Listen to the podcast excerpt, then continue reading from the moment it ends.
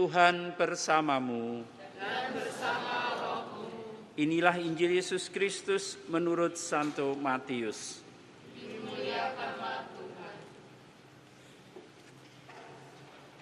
Ketika mendengar bahwa Yohanes Pembaptis telah ditangkap, Yesus menyingkir ke Galilea. Ia meninggalkan Nazaret dan diam di Kapernaum di tepi danau di daerah Sebulon dan Naftali. Dengan demikian digenapilah firman yang disampaikan oleh Nabi Yesaya. Tanah Sebulon dan tanah Naftali, jalan ke laut, daerah seberang sungai Yordan, Galilea, wilayah bangsa-bangsa lain, bangsa yang diam dalam kegelapan telah melihat cahaya yang besar. Dan bagi mereka yang tinggal di negeri yang dinaungi maut, telah terbit cahaya. Sejak itu Yesus mulai memberitakan, bertobatlah, sebab kerajaan surga sudah dekat. Ketika Yesus sedang berjalan menyusur danau Galilea, ia melihat dua orang bersaudara, yaitu Simon yang disebut Petrus dan Andreas, saudaranya. Mereka sedang menebarkan jala di danau, sebab mereka penjala ikan. Yesus berkata kepada mereka, "Mari, ikutlah aku, dan kamu akan kujadikan penjala manusia." Mereka pun segera meninggalkan jalannya dan mengikuti Yesus. Setelah pergi dari sana, Yesus melihat pula dua orang bersaudara yang lain lagi, yaitu Yakobus anak Sebedeus dan Yohanes saudaranya, bersama ayah mereka, Sebedeus. Mereka sedang membereskan jala di dalam perahu. Yesus memanggil mereka dan mereka segera meninggalkan perahu serta ayahnya, lalu mengikuti Yesus.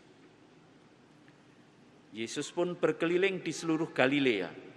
Ia mengajar dalam rumah-rumah ibadat dan memberitakan Injil kerajaan surga, serta menyembuhkan orang-orang di antara bangsa itu dari segala penyakit dan kelemahan mereka.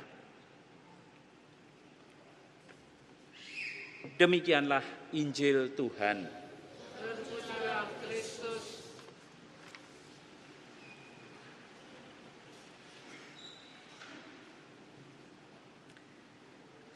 Ketika Yesus sedang berjalan menyusur danau Galilea, ia melihat dua orang bersaudara, yaitu Simon yang disebut Petrus dan Andreas saudaranya. Mereka sedang menebarkan jala di danau sebab mereka penjala ikan. Dan itu terjadi lagi dengan dua orang anak Sebedius. Mereka sedang membereskan jala di dalam perahu. Yesus memanggil mereka dan mereka segera meninggalkan perahu serta ayahnya lalu mengikuti Yesus. Bapak, Ibu, saudara-saudari sekalian, adik-adik dan orang-orang muda. Ada apa dengan pekerjaan orang-orang yang dialami oleh Petrus, Andreas, Yakobus, Yohanes. Dalam kitab suci kelihatan sekali bagaimana mereka mengalami perjumpaan dengan Yesus adalah ketika mereka sedang bekerja. Tidak ditulis di sini sedang merokok gitu ya. Enggak. Atau sedang healing. Enggak tapi sedang bekerja. Nah, Bapak Ibu, saudara-saudari sekalian, orang-orang muda dan adik-adik sekalian. Ada apa antara pekerjaan mempunyai hubungan dengan pewartaan Yesus? Dan ini menjadi penting bagi kita semua. Karena kita sebagai manusia wajib bekerja. Bahkan Paulus mengatakan yang tidak bekerja tidak usah makan. Mau mengatakan bahwa pekerjaan itu adalah sebuah bentuk hormat kita, apresiasi kita pada hidup kita sendiri maupun kepada rahmat hidup yang diberikan oleh Allah. Maka kalau ada orang malas bekerja, kalau ada orang malas bekerja, adalah orang-orang yang tidak mengapresiasi hidupnya sebagai rahmat maupun tidak mengapresiasi pemberian Allah untuk dirinya. Kelihatannya keras ya, tapi benar. Kalau kita jadi orang-orang malas atau orang-orang yang tidak suka bekerja, bisa dipastikan adalah orang-orang yang tidak mudah mengapresiasi hidupnya sebagai rahmat. Tidak melihat pemberian hidup dari Allah ini sebagai sesuatu yang harus disyukuri dan kita kembangkan. Nah, apa yang terjadi kalau orang bekerja? Apa yang terjadi kalau orang sedang bekerja dan bagaimana Yesus menjadi pengalaman dalam hidup kita. Sebelum ke sana saya sharingkan pengalaman ini dari pengalaman di negeri tetangga. Ada seorang dulunya waktu muda itu pemain barongsai. Dan dia belajar seperti di apa? Di wihara-wihara Saulin itu ya. Jadi latihan meloncat dari satu apa patok itu ke patok yang lain itu wah. Dan, dan memang jadi tubuhnya atletis dan pintar meloncat gitu. Tapi setelah pensiun dia bingung mau mau apa. Lalu dia sadar bahwa tetap harus mencari pekerjaan untuk menghidupi keluarganya. Maka ia melamar pekerjaan di sebuah kebun binatang. Dan dia melamar menjadi entertainer dengan pakaian gorila untuk menyambut anak-anak dan para pengunjung ke kebun binatang itu sehingga mereka gembira. Yang dia buat adalah dengan pakaian gorila, lalu dia meloncat ke sana kemari, kadang-kadang menggantung di pohon, loncat ke sana kemari, makan pisang atau makan apa terserah, sehingga orang-orang yang di sana itu gembira. Dan ternyata sukses. Banyak pengunjung itu kok gembi, apa kok gembira lo bukan gembira lo kok maaf ke kebun binatang ini dan anak-anak suka. Jadi tambah orang-orang yang datang ke sana. Nah, ya namanya nasib tuh. Pandai-pandai tupai melompat eh, bisa juga jatuh. Nah, suatu saat orang ini dengan berpakaian gorila dia meloncat ke sana kemari dilalah dia itu jatuh di kolam buaya Beliau. dan dia kaget karena waduh kolam ini penuh buaya. Maka dia dengan sekuat tenaga mencoba tapi ya di air meloncat tidak bisa. Lalu ya, sudah pokoknya berusaha untuk keluar dari air. Dan tiba-tiba buaya-buaya itu bergerak. Tapi ada satu buaya yang aneh yang berenang lebih cepat dari buaya-buaya yang lain.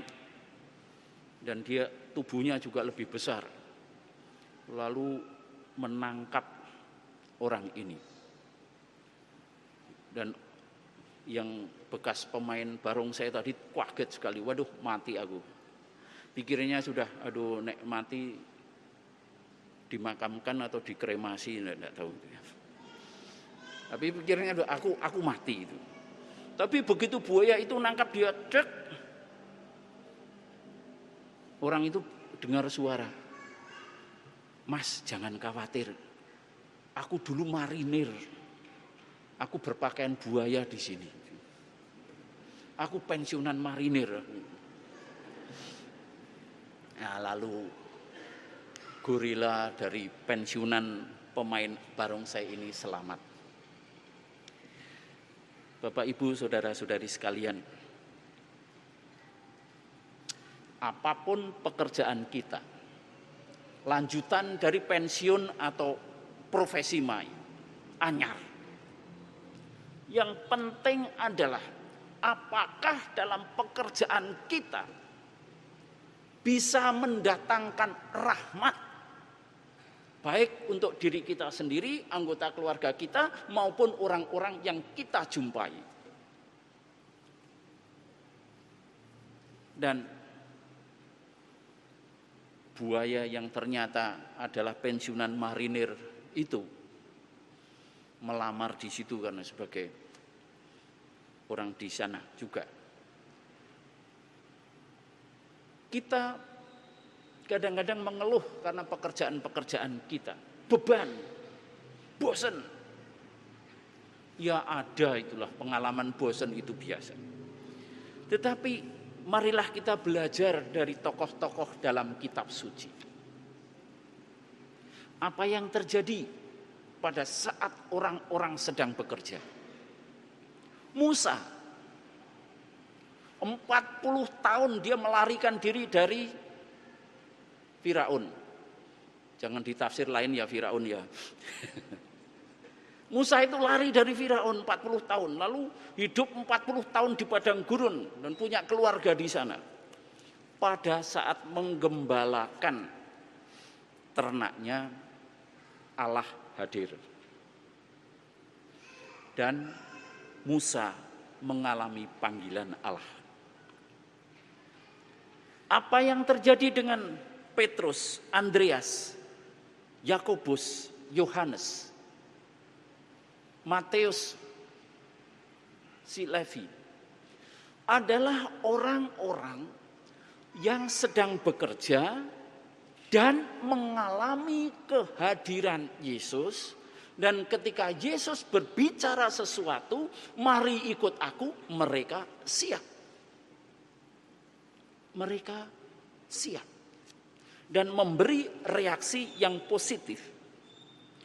Mereka pun segera meninggalkan jalannya dan mengikuti Yesus. Maka Bapak Ibu, saudara-saudari sekalian, marilah kita renungkan kembali pekerjaan-pekerjaan kita masing-masing apakah aku bekerja demi memuliakan anggota keluargaku? Apakah aku bekerja demi suksesku sendiri? Apakah aku bekerja untuk sesuatu yang lain? Tetapi di samping segala sesuatu itu, apakah dalam pekerjaanku aku bisa mengalami kehadiran Yesus dan aku bisa memberikan respons pada permintaannya. Yesus mengajak kita, Yesus menawarkan dan meminta kita sebagaimana Yesus meminta pada para muridnya. Dalam bacaan beberapa hari yang lalu adalah untuk menyertai dia dan mewartakan Injil. Dan di sini disebutkan aku akan marilah ikut aku dan kamu akan kujadikan penjala manusia.